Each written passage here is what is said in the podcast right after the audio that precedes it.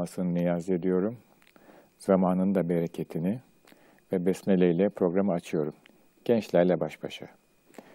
Ben Deniz, emekli öğretim üyesi Saadettin Ökten ve gençlerimiz. Benden en aşağı iki nesil sonra hatta belki üç nesil sonraki insanlar bir manevi mirası, bir kültürel bütünlüğü bu genç arkadaşlarımıza emanet ediyoruz. Programımızın belki bir boyutu da bu emaneti tevdi görevini ifa etmek, yerine getirmek. Bu seansta, bu görüşmemizde kısmet olursa toplum ve insanlık mevzunu ele alacağız. Ve her programda olduğu gibi buna bir parametre açısından yaklaşıyoruz. Daha sonraki bir başka programda bir başka parametre açısından yaklaşabiliriz. Şu anda toplum ve insanlık dediğim zaman benim aklıma hemen gelen bunun zıttı. Toplum ve insanlık yerine insan, birey ve yalnızlık. Bu programda birey ve yalnızlığı işlemeye, konuşmaya çalışacağız. Yalnızlık problemi özellikle modernitenin hayata yansımasından, geniş bir tatbikat sahası bulmasından sonra hele refah düzeyinin artmasıyla birlikte Batı Avrupa'da ciddi bir problem haline gelmiştir. Avrupalı insan zaman zaman dünyaya hakim olduğunu hissetse bile, elinde birçok imkan ve vasıta bulunsa bile yalnızlığını terennüm ediyor. Bu yalnızlık hem bireysel manada, fiziksel manada duyulan yalnızlıktır ama daha e, kötüsü daha korkuncu ruhsal manada, iç dünyada hissedilen yalnızlıktır. Şimdi burada önce fiziksel yalnızlıktan bahsedeceğiz. Sonra biraz da ruhsal yalnızlıktan, duygusal yalnızlıktan bahsedeceğiz. Yani varlığın herhangi bir e, bütünlüğe, birliğe rapt edilememesi, kendini muallakta ve boşlukta hissetmesi hadisesi. İnsan dediğimiz varlık bir takım ihtiyaçlar duyar. Bütün canlılar duyar ama insanın ihtiyaçları diğer canlılardan çok daha fazladır. Bu ihtiyaçları burada saymaya gerek yok. Herkes kendi hayatına bakınca bu ihtiyaçlarını görür. Bunlardan hangisi ciddi ve temel ihtiyaç, hangisi yapay ihtiyaç, aradaki ayrım nasıl yapılır? Bunlar ferde kalmış hadiseler ama hayatın akışında çok çeşitli ihtiyaçların olduğu bir gerçek ve bu ihtiyaçların zamanla birlikte arttığı da bir gerçek. Mesela ben kendi hayatımdan bir örnek vermek istersem, 50 sene önceki ihtiyaçlarım çok daha mahduttu, şimdi, şimdiki ihtiyaçlarım çok daha fazla. Yani şuyum da olsun, bunu da isterim, bu da bana lazım dediğim şeylerin sayısı çok daha fazla. Bunları karşılamak için insanların yetenekleri var. Ancak bu yetenekler insan ihtiyaçları çok fazla sayıda olduğu için bunları karşılamaktan aciz kalıyor. Bir başkası insanların imkanları var. Yani maddi imkan ve zaman imkanı ve kabiliyetleri var. Bunlar da ihtiyaçlarının karşılanmasında ciddi bir faktör, bir artı girdi olarak bulunuyor. Ancak onlar da mahdut oluyor. Dolayısıyla çağımız insanı sadece ve sadece fiziksel ihtiyaçlar açısından bakılsa bile belli bir acı, belli bir meşakkat ve belli bir hasret çekiyor. Eski insanlarda ben kendi hayatımdan biliyorum. Bir de ailemden bana nakledilenlerden biliyorum. Hocalarımdan bana nakledilenlerden biliyorum ki eski insanlarda bu boyutta bir elem, bir azap, bir hasret söz konusu değildi. Onlar bir manada azıcık aşım, kaygısız başım felsefesiyle veya bir lokma bir hırka ki bugün ikisini de reddediyoruz biz modern hayatta. Bu felsefelerle bunları avunma olarak görüyoruz. Bana sorarsanız hayatta belki her şey bir avunmadan ibaret ama diyelim ki bunlar bir avunmaydı ama o insanları mutlu eden avunmaydı. Kendi kendine yeter halde kılan birer avunmaydı. Dolayısıyla e, insanlar bu bahsettiğim ihtiyaçlar noktasından bakıldığında sadece fiziksel manada yani maddi ihtiyaçlar açısından bakıldığında kendi ihtiyaçlarını karşılamak noktasında çok zorlanıyorlar. Mesela barınma ihtiyacı. Onun hemen yanında güvenlik ihtiyacı. Yeme, içme, giyinme, gezme, tozma vesaire bunların hepsini göz önüne aldığımızda insanların tek başlarına bunların üstesinden gelmesi mümkün değil. Dolayısıyla toplumda malumunuz iş bölümü ortaya çıkmış. Hem insanların imkanları yetmiyor, hem yetenekleri kafi gelmiyor. Dolayısıyla insanlar hayatta toplu halde yaşamak mecburiyetindeler. Sadece fiziksel manada dahi bakılsa insanların yalnız yaşamaları mümkün değil. Halbuki diğer canlılara bakıyoruz. Bunların birçoğu doğada yalnız yaşıyorlar. Temel ihtiyaçlarını barınma, yeme içme, neslin devamı vesaire gibi ihtiyaçlarını kendileri çok rahat görüyorlar. Ama insanda birçok noktadan çok güçlü olmakla birlikte insanda bu yeteneklerin yeteri kadar olmadığını görüyoruz. Yahut da istekleriyle, hırslarıyla, arzularıyla insan varlığı ihtiyaçlarını tatmin etmekte yeterli olmuyor.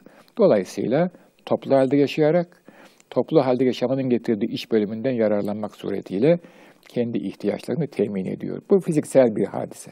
Ancak şurası çok önemli.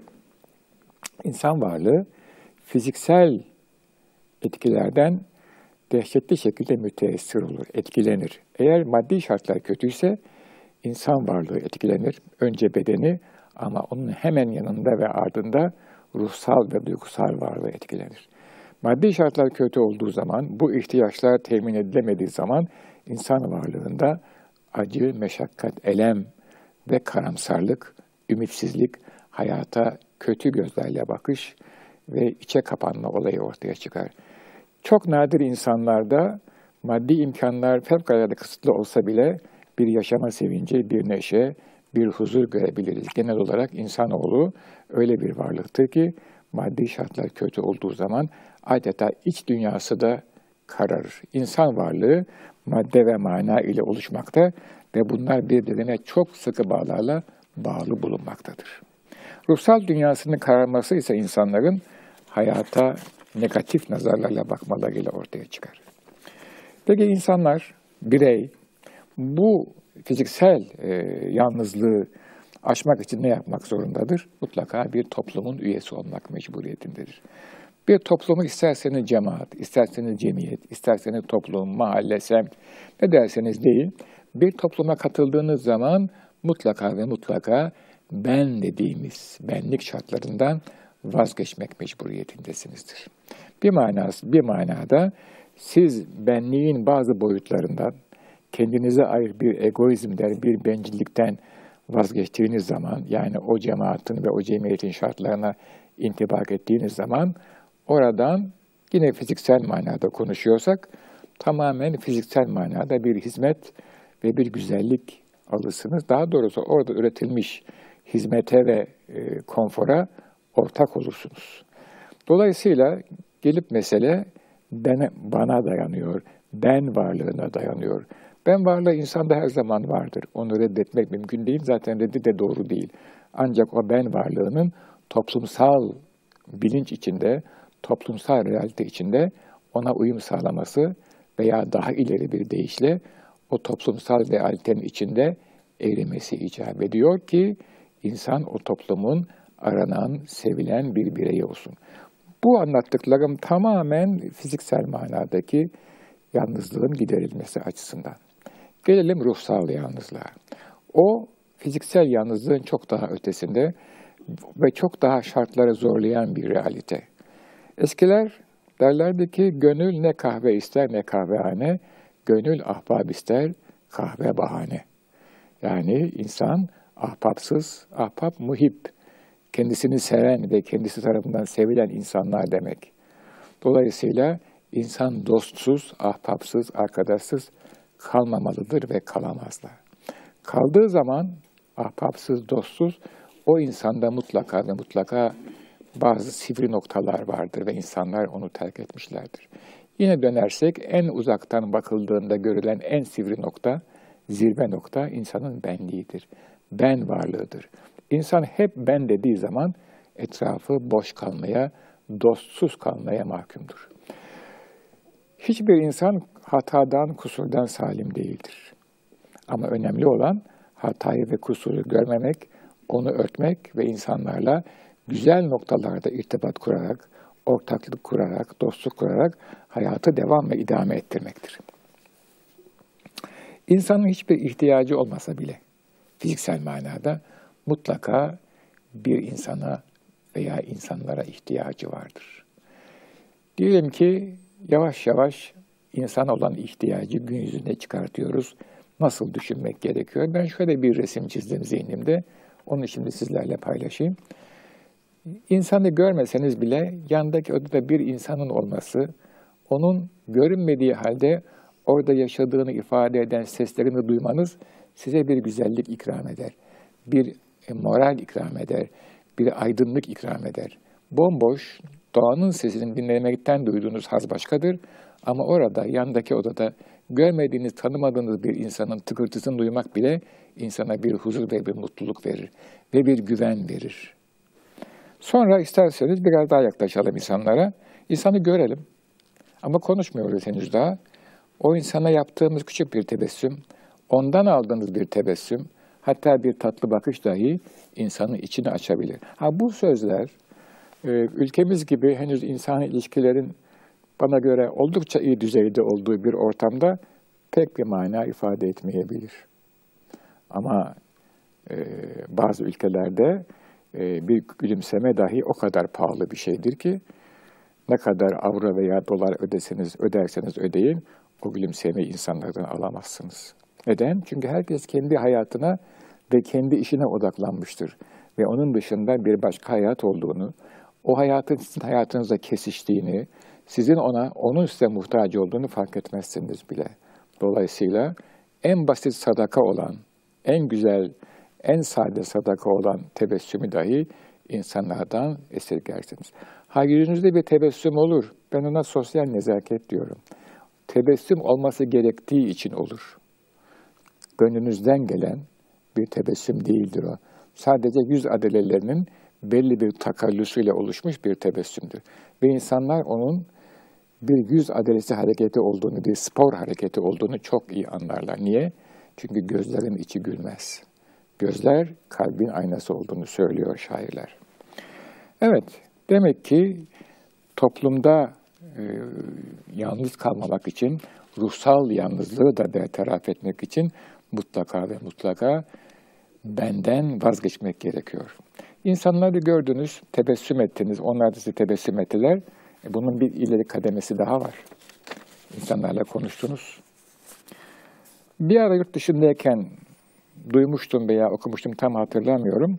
Almanya'da e, bir yaşlı adam, e, çocuklarına hali vakti gayet iyi, kendisinde iyi bir maaşı var.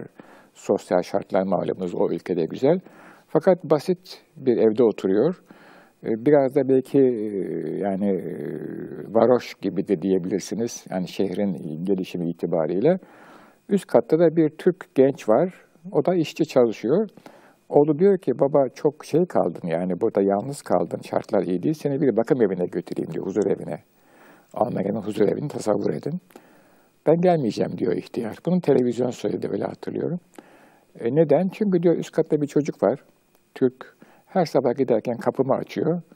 Sırtımı okşuyor. Nasılsın bugün baba diyor. Ve gidiyor. Akşam dönüş saatini bekliyorum. Çünkü dönerken de evine gitmeden yine benim kapımı açıyor ve sırtıma bir şaplak vurup bugünün nasıl geçti diye soruyor diyor. O çocuğun o hali ve bunu e, yapmasındaki garazsız, ivazsız bizim tabirimizle içinden gelen insan olduğu için mutlulukla yaptığı o hal beni buraya bağlıyor diyor. Bunu adeta bir ekstrem yani bir uç örnek olarak orada konuşmuşlardı. İşte bu. Yani insanlarla konuşmak, onunla selamlaşmak, ona bir şey söylemek. Bir tabii bunun daha ilerisi var. Ee, insanların derdini dinlemek. Evet, e, benim yalnızlık ve insan konusunda söyleyeceklerim burada nihayetlendi. Şimdi sorular olsun inşallah. Soruları alalım ve onları cevaplandırmaya çalışalım. Buyurun efendim. Hürmetler hocam. Ben sorudan ziyade bir konuda görüşünüzü öğrenmek istiyorum. Başta moderniteden bahsettiniz ve yalnızlıktan. Benim görüşünü talep ettiğim konu hedeflerimiz açısından kendimizi yalnız hissetmemiz boyutu olacak. Bu modernitede hedefsizliği bildiğiniz gibi Durkheim hani anomi olarak belirtiyor. Amaçsızlık, isteksizlik ve hedefsizlik. Bizim neslimizin benim gözlemlediğim ve kendi içimde de hissettiğim şekilde şöyle bir sorunumuz var. İmanımızın taklidi olması gibi hedeflerimiz, isteklerimiz, olacağımız kişi de taklidi. Dolayısıyla bulunduğumuz cemiyetlerde, konuşmalarımızda ve genel olarak birçok durumda kendimizi o duruma aidiyet, o duruma karşı bir aidiyet hissiyatı taşımıyoruz. Ve hani insan madde ve manadan oluşur dediniz. Bu açıdan mana haritalarımızda bir sürü önemli boşluklar kalıyor. Bunları nasıl doldurabiliriz? Valla onlar hepimizde var. Yani siz böyle bir şey sorarsanız ben hemen kendim için söyleyeyim. Kendisi muhtacı himmet bir dede, nerede kaldı gayri himmete de. Şimdi o e, ikili varlık, dualite hepimizde var. Çünkü biz bir medeniyet buhranı, bir medeniyet travması yaşıyoruz. Yani bir tarafta taklidi bir inanç sistemimiz var. Bu doğru ama tahkikiye varmak fevkalade zor. Yani o kadar kolay bir şey değil söylediğiniz, ifade edilmesi çok kolay. Ama bizatihi yaşanması zor. Bir yanda da bir takım hedeflerimiz var. Ben yıllar önce bir dergiye verdiğim mülakatta mış gibi yapıyoruz, mış gibi diye bir şey tabir kullanmıştım. Bayağı da tepki aldığını söylüyorlar. Valla bana sorarsanız mış gibi yapmak hiç yapmamaktan daha iyidir. Yani kimi taklit ediyoruz? O belli önderler, rehberler, kimin yoluna girmeye çalışıyoruz o da belli. Hiç yapmamaktan veya bir başka istikamete gitmekten daha iyidir. Ee, böyle bir söz söyleyeceğim size. Ve gerçek manada bir medeniyetin müntesibi olmak, hedefini doğru koymak ve o hedefe kilitlenmek ve doğru insanları rehber edinmek o fevkalade zor bir hadise. Yani tahkikiye geçmek. O tabii bir lütfu ilahi olabilir, ona bir itirazım yok ama genel manada baktığımızda toplumsal yapının içerisinde, bu toplumsal yapı derken dünyanın bütünü içerisinde kendimize bir yer arıyoruz. Bu çok reel bir şey, böyle de olması gerekiyor. Dolayısıyla bu çalkantığı için ancak bu kadar oluyor diyebilirim. Ha efendim bu biraz kaçış mıdır? Doğru kaçıştır. Ama ne yapalım? Bizim başka iltica edecek bir limanımız yok yani. Daha büyük bir imkan olsa oraya kaçacağız. Şu anda bu limana kaçıyoruz. Bakımdan çok e, çok bedbin olmayın, çok e, karamsar olmayın. Ümitle ve niyazla hayata devam edin derim. Ben öyle yapmaya çalıştım. İşte bugüne de geldik çok şükür. Evet bir soru daha alabiliriz tahmin ediyorum ve ondan sonra buyurun efendim. Hocam hürmetler. Estağfurullah. Ee, insan kelimesini kelime olarak aldığımızda kalıbındaki ikilik veya çokluk ifadesi işaret ettiği başka manaların haricinde e, işte madde ve manadan oluşması gibi farklı manaların haricinde insanın ruhsal manada bir e, refike, bir yoldaşa ihtiyaç duyduğunun tek başına yaşayamayacağını da gösterir mi? Buna tabii, bir işaret var mıdır bunda? Tabii, tabii. İnsan daima e, bir yardımcıya ihtiyaç duyar. Çünkü görgüsünü ve derinliğini bizzat yaşayarak ondan öğrenir. İnsan bilgiyi kitaptan öğrenebilir. Yani diyelim ki formel eğitim bitti. Mesela ben Deniz hayatımın bir öğretim üyesiyim. Şimdi emekli oldum. E, okuldan mezun oldum, kitabı kapatmadım ki ben. Formel bilgiyi öğreniyorsunuz kitaptan. Ama hayatta nasıl yaşayacaksınız? Hangi huylarla kendinizi e, bezeyeceksiniz? Hangi huylarınızı nasıl bırakacaksınız? Onu bir başka insan tipinden öğreniyorsunuz. Veya ciddiyeti veya disiplinli çalışmayı, size ne kadar iyi, dikkatli çalış, iyi çalış deseler öyle olmaz. Yani sizi etkileyen birisi de öyleyse onu size giydiriyor. Rahmetli Fethi Gemuhluoğlu hal saridir derdi. İyi hal ile üzere bir dostla, bir büyükle arkadaş olursanız onun hali size geçer. Hal saridir derdi. Dolayısıyla insanın her zaman burada bahsettiğim işte ruhsal yalnızlığı da gidermesi için esasında tabii insan e, esasında büyük e, ölçekte ebedi yalnızdır. O ayrı bir hadise. Ama işte onun için e, büyük mistikler Allah dost diyorlar yani. Birçok dostu var insanın ama gerçek dost Cenab-ı Allah diyorlar. O ayrı bir e, düzlem. Bizi çok böyle derin felsefi boyutlara veya tasavvuf boyutlara çekme boğuluruz biz oralarda. Efendim zannediyorum bize ayrılan vaktin tekrar sonuna gelmiş durumdayız. Ee, sevgiyle, muhabbetle ve saygıyla selamlıyorum sizleri. Allah'a ısmarladık aziz seyircilerimiz. Müzik